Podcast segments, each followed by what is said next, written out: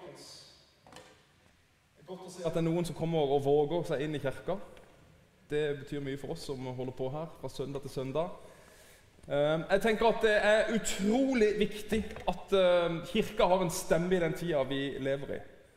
Det er kjempeviktig. Så til du som er hjemme og som ser på Facebook, ta og del dette. Del, bruk denne del-knappen til å få budskapet ut. Vi lever i en verden som aldri før trenger å høre evangeliet. Og kanskje spesielt også i dag, for vi skal snakke om lidelse. Håp gjennom lidelse. Vi er fortsatt i, eh, i denne serien vi, eh, hvor vi bruker denne boka 'Målretta liv'. Mange av oss har lest den. Eh, noen har lest den på 40-42 dager, som, som hør seg bør, men, men noen leser fortsatt. Det vet jeg jo veldig godt.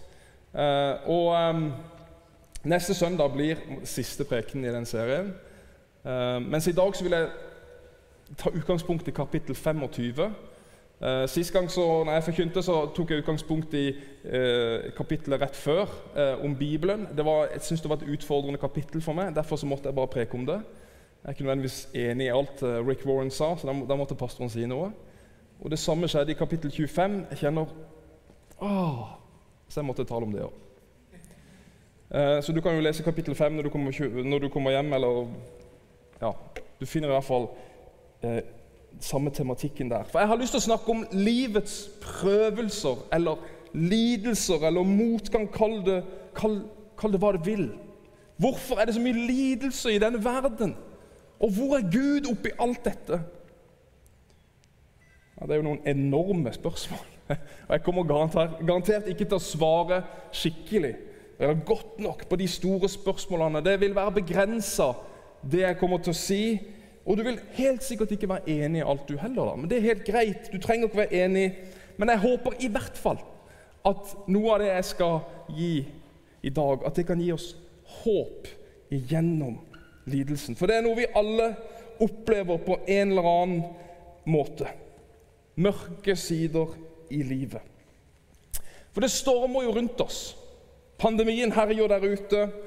Men sykdom, kreft, andre ting, alvorlige lidelser, det tar og slår ut den ene etter den andre. Alle kjenner vi helt sikkert noen som er veldig syke. Ikke minst har denne menigheten mange som er syke. Og det gjør meg utrolig vondt. Unge mennesker tar livet sitt på Haugalandet, har vi lest om, og hører vi om.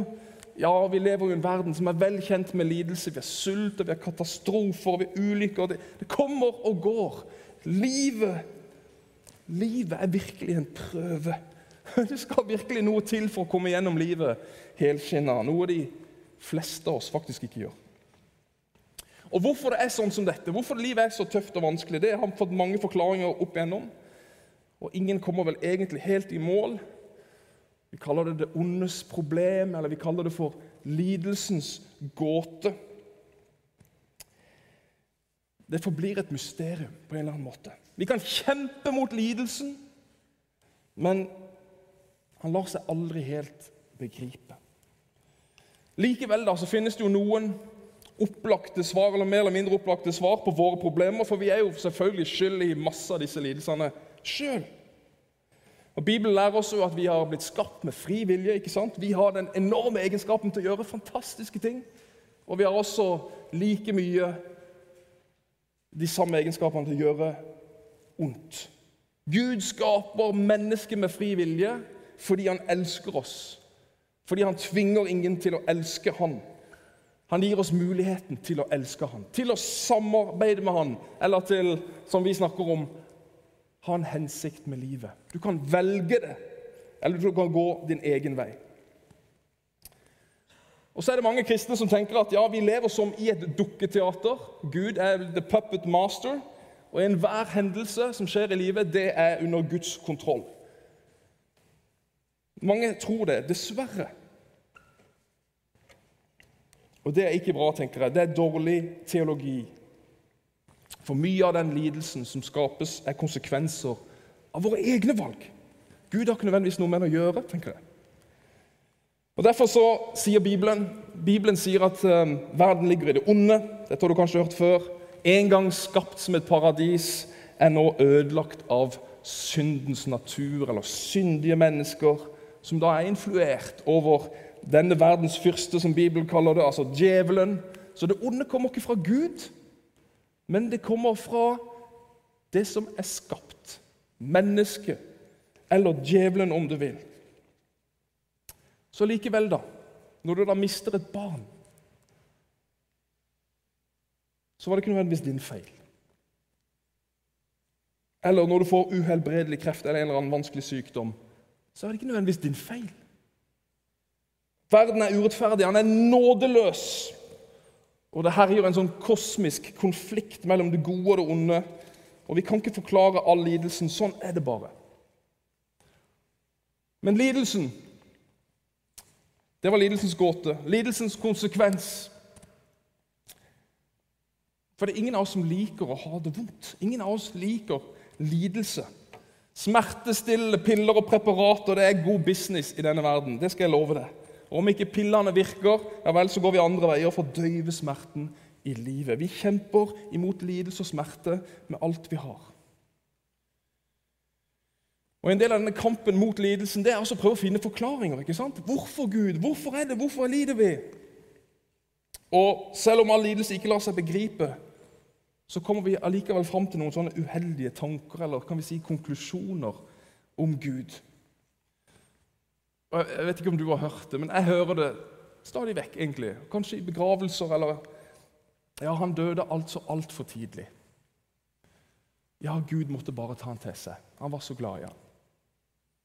Han var for god til å være blant oss. Gud måtte bare ha han hjem. Det er seriøst. Altså, Kanskje er det noe sånn trøstens ord i liksom, når vi fabler der. og Vi vet ikke helt hva vi skal si med det. Er Gud sånn? Nei, jeg vet ikke. Mennesker i fortvilelse over død og smerte har jo fått høre fra, fra pastorer og prester at nei, Gud hadde nok en mening med det. Hæ? Jeg mista barnet mitt fordi Gud skulle lære meg noe. Hva, Hva mener du? Du har kanskje også hørt at uh, koronapandemien den er også sendt fra Gud som straff for vår ulydighet. Mange kristne som vil si det. Ja, Gud har jo sendt oss pest og plager før, sånn som i Egypt. ikke sant? Og så Hvorfor kan han ikke gjøre det i dag? Står Gud virkelig bak vår lidelse? Og I vår usikkerhet og uheldige konklusjoner om hvordan Gud er, så kan lidelsen få oss til å velge bort Gud. Vi vil ikke ha noe med Han å gjøre. Det går ikke. Om Han står bak lidelsen, da har vi jo ingen armer å løpe inn i. Da er det jo faktisk ingen håp. Og Hvor mange av oss har ikke i frustrasjon eller i sorg over hvor tøft livet kan bli, forlatt troen på Gud? Jeg kjenner noen.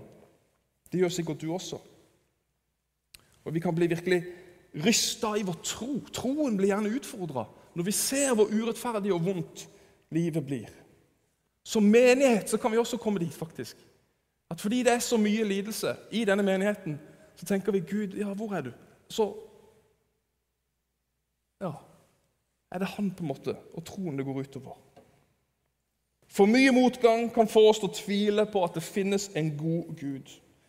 For hvis han finnes, hvordan kan han la alt dette skje med oss? Og Konsekvensen er at lidelse blir et argument mot Gud. Men lidelsen har også et potensial. Vi må våge å snakke om det også. Den har potensial i seg til faktisk noe godt. Vi må ikke lure oss sjøl og tenke og tro at motgang det er bare forferdelig. Det er Selvfølgelig så er lidelse i nuet. Når vi virkelig står i det, så er det jo bare forferdelig. Det er kun mørkt. Men kanskje, kanskje, når vi ser oss tilbake, så har det gjort noe godt med oss likevel. Motgang gjør oss sterkere, kan vi si. No pain, no gain, er det noen som sier. Det går igjen i hele skaperverket. Drivhusplanter de har lite motstandskraft fordi de får ikke så mye vind og så mye regn på seg under oppveksten. Noen sier 'det stille hav skaper aldri en god sjømann'. Har du hørt den? Eller 'diamanter blir til under høyt trykk og temperatur'. Det er det edleste vi har, osv., osv. Vi lærer mye mindre om ikke vi har motgang eller utfordringer. Ja, de fleste kulturframskritt skyldes kamp, nød og forsakelser. Mange oppfinnelser for eksempel, skyldes kampen mot tilværelsen. Et uttrykk som heter 'nød lærer naken kvinne å spinne'. Ikke vel? Ja. Og hva har ikke nød gitt oss av utrolige kunstverk og musikk eller på lerret? Motgangen, lidelsen, har et potensial. Og Derfor så trenger ikke nødvendigvis lidelsen å føre oss vekk fra Gud heller. For det er egentlig veldig interessant. Veldig interessant.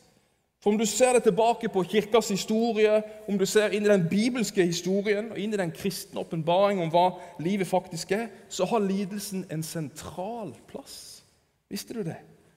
En sentral plass, og vi ser også i Guds ord at den har en enormt potensial. Jo, fordi Jesus Jesus er nøkkelen til det hele. Og Det er her vi må følge med godt i time. For når vi som vestlige kristne håper nærmest at eh, eller forventer at vi skal gå helskinna gjennom livet fordi Jesus beskytter oss. Det er jo det vi lærer. Ja, Da har vi en forventning om at kristenlivet det skal bare være trygt og det skal bare være godt. Men når vi åpner Bibelen og leser det som står der, så ser vi at han faktisk snakker om ja, nesten det stikk motsatte. Bibelen sier at vi skal forvente å lide. I verden vil dere ha trengsler, sier Jesus. Han sier, 'Jeg sender dere ut som lam blant ulver'. Ja, han sa det vil komme forfølgelser for de som tror på hans navn. Ja, Til og med store deler av Det nye testamentet er jo skrevet av lidende kristne til lidende kristne. Jo da, så handler jo det mest om forfølgelse. Jo, men Bibelen taler helt klart om kampen mellom det gode og det onde, og at verden vi lever i, at verden vi lever i, på ingen måte er en ideell verden. Og Skal vi tro den bibelske historien, så, så er det ikke rom for å leve i sånn feriemodus. Ah, der vi forventer at alt skal være trygt og godt osv. Der vi forventer hvile. Livet er en kamp. Om ikke om seieren, for den har Jesus vunnet, men en kamp for at Guds rike skal komme inn i denne verden, så, så i himmelen som på jorden. Og i det gapet i det gapet så ligger det en mulighet for oss som tror, til å bli forma, til å bli lik Jesus. Det får du mer om i kapittel 25 i den boka. Det er Jesus som er hele nøkkelen inn i dette her. Hans død på korset, hans lidelse Hans lidelse det har egentlig hele veien gjennom kirkehistorien vært en motivasjonsfaktor for kristne. Min frelser led for meg, Derfor kan ikke jeg forvente noe annet i mitt liv heller. Og På den måten der så har lidelsen vært en sentral del av kirkas utvikling. Det har ikke nødvendigvis vært det har, ikke, vært sånn at lidelse er noe vi må flykte fra, men det har vært en mulighet til å flykte inn i Guds armer. Det er litt sånn kanskje karikert, men vi ser i Vesten i dag når vi kjenner på lidelse, så knytter vi neven mot Gud. Men når vi ser ut i den, eh, ja, den andre deler av verden, Afrika, Asia, når de møter lidelse, så løper de inn i Guds armer. Hva har skjedd med oss i Europa eller i Vesten? Lidelsen og smerten har vært en motivasjonsfaktor til å søke Gud. Så Lidelsen har et potensial til godt, men det kommer an på hvordan vi rammer, inn, rammer han inn, hvordan vi ser på han. For er det noe Bibelen gir oss, så er det håp gjennom lidelsen. Og la oss, la oss snakke om håpet. Elisabeth leste fra 1. Peters brev, kapittel 1. Og Paulus, er, Peters brev er absolutt eh, fra liden, en liten kristen til lidende kristne. Og Han ber dem om to ting. Han ber dem om å se tilbake på noe og se fram på noe, på, på noe kan vi si. Han ber dem se tilbake på noe. Ok, Peter sammenligner lidelse. Han snakker om motstand, han snakker om prøvelser som en ild. I kapittel 4 i 1. Peters brev så sier han ildprøven. Han bruker ilden som et eksempel på smerter og lidelse, som en varm ovn som, som lutrer ja, de edleste metaller, faktisk. En sterk og på mange måter en utrolig flott metafor som man kan få mye ut av. Men, men en gang skjedde faktisk det der på virkelig. Kanskje du har lest i Daniels bok kapittel 3 om denne eh, store kongen Nebukaneser, som satte opp en stor statue av gull og Alle måtte tilbe denne statuen. Han var jo som en gud. Og de som ikke falt ned fra statuen og ville tilbe, de skulle kastes i ildovnen. De skulle, de skulle brennes. Og så var det disse tre jødiske mennene som nekta å tilbe statuen, og som gjør seg da skyldig til døden i ildovnen. Og i raseri over at disse her jødiske mennene ikke bøyde seg for han, så fyrer han opp ovnen varmere enn noen gang. Så varm at til og med vaktene som skal hive dem oppi dette, her, de dør faktisk. Kongen sitter og nyter synet. Men plutselig så utbryter han, og det står Jeg siterer fra Daniel kapittel 3. Var det ikke tre menn som vi bandt oss og kasta ned i ilden? Jo visst, konge, svarer tjenerne. Men jeg ser fire menn gå fritt omkring i ilden, og det finnes ikke skade på dem. Og den fjerde ser ut som en gudesønn. wow! Fascinerende historie. Hva var det som skjedde? Jo, det, Historien ender med at uh, disse tre mennene kommer uskada ut av ilden.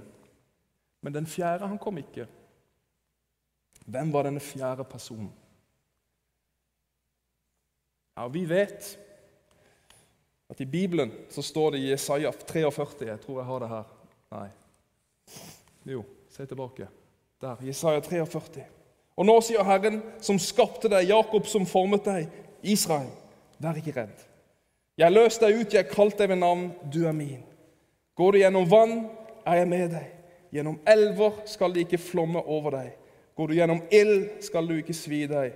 Og flommen Flammen skal ikke brenne deg. For jeg er Herren din Gud, Israels hellige, som frelser deg. Et løfte til Israel. Vi, vi tror også at det gjelder menigheten og de kristne i dag. Det går lengre. Han profeterer. Flammen skal ikke brenne deg. Hva er løftet her til oss?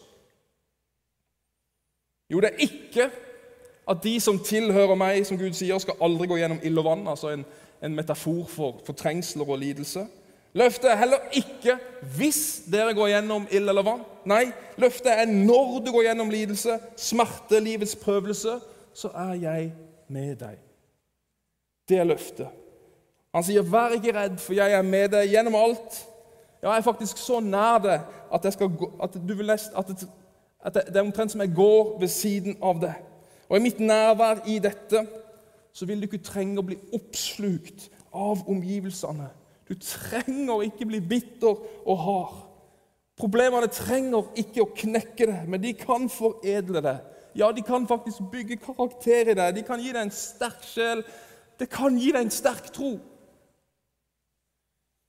Ja, Det var jo veldig inspirerende, kan du tenke. Ja vel. Hvordan kan jeg vite at det er sant? Og Det er da vi må se inn i Det nye testamentet. Åpenbaringen om hvem Gud er. For når Gud sier i Det gamle testamentet at han vil gå gjennom ild og vann, i våre problemer osv., så, videre, så er det først når vi kommer til korset, at vi forstår det nye. Vi forstår disse ordene. Og Det er først når vi kommer til Det nye testamentet og korset, at vi forstår hvor langt Gud er villig til å gå i vår lidelse. Av alle religioner så er det kun i Bibelen vi hører at Gud er et offer, at Gud lider og dør. På korset så ser vi ufattelig nok Gud. Gud til spott og spe, offer for svakhet og død. Jesus blir lynsja på de verst tenkelige måter. Ja, Han roper til og med, som mange av oss andre gjør i vår lidelse, 'Min Gud, min Gud, hvorfor har du forlatt meg?' Jesus vet sannelig hva det er å lide. Han ble torturert, men i tillegg, i tillegg, og det er det vi kanskje ikke helt klarer å forstå men han bar jo verdens synd. Han erfarte den konsekvensen av vår avvisning av Gud. Konsekvensen av vårt nei til hans kjærlighet og autoritet i livet. Og Dermed så ender jo Jesus opp med det som er enda verre. Han erfarer at Gud har forlatt ham. Gud, hvor er du? Tenk på det. Kilden til alt lys og alt liv, det forsvinner. Gud forsvinner. Det må være kilden til det mest ultimate lidelsen i denne verden. Og det får Jesus i tillegg kjenne. Jesus var sannelig i ildovnen. Derfor så må alle våre spørsmål om hvorfor Gud, hvorfor all denne lidelsen Alle disse spørsmålene de må fram foran korset. Ved korsets fot. Og selv om korset ikke kan gi oss svaret, så kan de i hvert fall fortelle oss hva svaret ikke er. Er du med? Det kan ikke være fordi at Gud vil straffe oss. Hvorfor har lidelsen Gud? Nei, Det kan i hvert fall ikke være fordi Gud vil straffe oss. Han henger på korset, han tok straffen, han ropte til Gud 'tilgi de, for de vet ikke hva de gjør. Nei, Det kan ikke være fordi han vil straffe oss. Det kan heller ikke være fordi han ikke elsker oss. For han sa jo 'Jeg gir mitt liv for deg'. Nei, Det kan heller ikke være fordi han er fjern eller at han ikke bryr seg der oppe. Han kasta seg sjøl inn i ildovnen sammen med oss. Og mer enn det, han tok på seg lidelse verre enn det vi noen gang vil erfare. Han gjorde det fordi han elsker oss så høyt, og fordi han hater lidelse så mye at han er villig til å ta på seg vår lidelse, slik at han en dag kan gjøre ende på all ondskap uten å gjøre ende på oss. Og fordi Jesus gikk gjennom den hva vi kaller det, ultimate ildovnen for det, ja, faktisk den eneste ilden som kan gjøre ende på oss. Fordi han gjorde det, så vet vi med sikkerhet at han går inn i våre personlige ildovner eller ildprøver. Han går sammen med oss. Om vi føler det eller ikke, uansett hvor varmt det måtte være, han er ved min og din side. Skal vi finne håp igjennom lidelsen, så må vi se tilbake på korset. Det kort, kort, korteste verset i Bibelen Du har hørt det mange ganger, for du som går mye i kirka, men det er jo Jesus gråt. Johannes 11. Jesus gråt. Gud gråt. Han gråt over hans venn Lasarus, som var død. Ja, han kunne jo ha spart seg for den gråten. Men bare kom opp litt tidligere, så han slapp å dø. da, For du kan jo helbrede Jesus. Eller han kunne ha sagt 'slapp av, dette fikser vi'. Jesus gråt. Han tar del i våre lidelser. Det er det korte verset. Hva det kan bety. Han tok del i våre lidelser. Profeten Jesaja sier om Messias i kapittel 53 Isaiah profeterer om Messias som skal komme. Vi tror det er Jesus. Der står det han var foraktet, forlatt av mennesker. En mann av smerte. Og Vi kan se i evangeliene når vi leser det, hvor mye compassion Jesus har med de som lider. Og Det er mer enn sympati. Han bærer smertene sammen med oss. Jesaja sier videre sannelig våre sykdommer tok han på seg, våre smerter bar han. Han ble såret for våre lovbrudd, knust for våre synder. Straffen lå på ham. Vi fikk fred. Ved hans sår ble vi helbredet. Og I denne profetien så ser vi hvordan Jesus skal på en måte bære oss. Vi har vår synd og skam, men også våre lidelser. Jesus er nær i vår smerte. Han gråter med oss. Og En dag så skal han tørke hver tåre fra våre øyne. Og Enn så lenge så er han med oss i smerten. Ja, Smerten kan faktisk til og med også være et sted der vi finner intimitet med Jesus. Og det, det tror jeg må være noe av det vakreste i denne elendige verden. At i vår lidelse så fins det en intimitet med vår Gud fordi mine sår de kan speiles i hans sine sår. Under første verdenskrig så var det en eh, pastor som sto i enorme lidelser. Og Han skrev et dikt, 'Jesus of the Scars'. Og Et av disse versene går sånn som dette. The other gods were strong, but thou wast weak. They rode, but thou did stumble to a throne. But to our wounds Only God's wounds can speak. And not a God has wounds, but thou alone. Wow. Det blir bare enda bedre. Jesaja 57. I det høye og hellige bor jeg, og hos den som er knust og nedbøyd i ånden. Jeg vil gi ånden liv hos dem som er bøyd ned. Gi hjertet liv hos dem som er knust.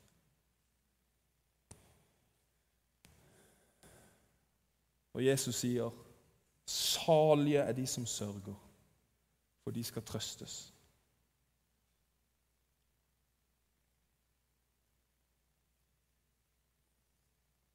Kanskje det mest sentrale bibelverset i dette, vendepunktet i det, er jo Roman 8,28, når Paulus sier at 'vi vet' at alt tjener til det gode for den som elsker Gud. Kommer ikke fra han, men han er en mester i å vende det. Gud påfører ingen ondskap. Johannes sier Gud er lys, i ham finnes ingen mørke.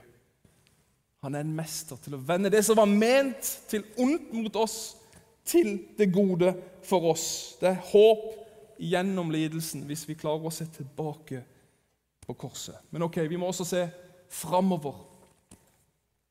Vi må jo se framover mot soloppgangen. Vi er på vei mot en soloppgang, ikke en solnedgang, pleier vi å si. Og Vi leste fra 1. Peters brev tidligere. Jeg tror ikke jeg skal lese hele om igjen, men det henger der, så du kan lese det mens jeg holder på. Men hvis det var sånn at livet her på jorda, hvis det var alt Da tenker jeg det ville vært så enormt meningsløst, alt det vi skal gjennom. Så blodig urettferdig at hedersmann Olsen fikk kreft, mens kjeltringen Hansen han strutter av sunnhet, eller 100 000 av barn sulter i hjel i Afrika, mens Europas barn er feite og bortskjemte. Det er jo bare urettferdighet hvis ikke man er hellig overbevist om at livet fortsetter etter døden, at denne verden bare er et skyggeland og regner mot den herlighet som venter oss i de himmelske boliger. Der kommer det en dom, der kommer det et nytt liv. Så jeg tenker Himmelen det gir oss håp igjennom lidelsen. Det gir oss håp om rettferdighet, ja, det gir oss håp om liv igjennom døden. Jeg har vært i noen begravelser, og det har sikkert du også, og jeg mener at det er stor forskjell på en kristen begravelse og en ateistisk begravelse. Det er stor forskjell på en kristen som ligger for døden, og en som ikke tror. Og Det har jeg faktisk statistikk med. Kristne har mer fred når de dør. Heldigvis.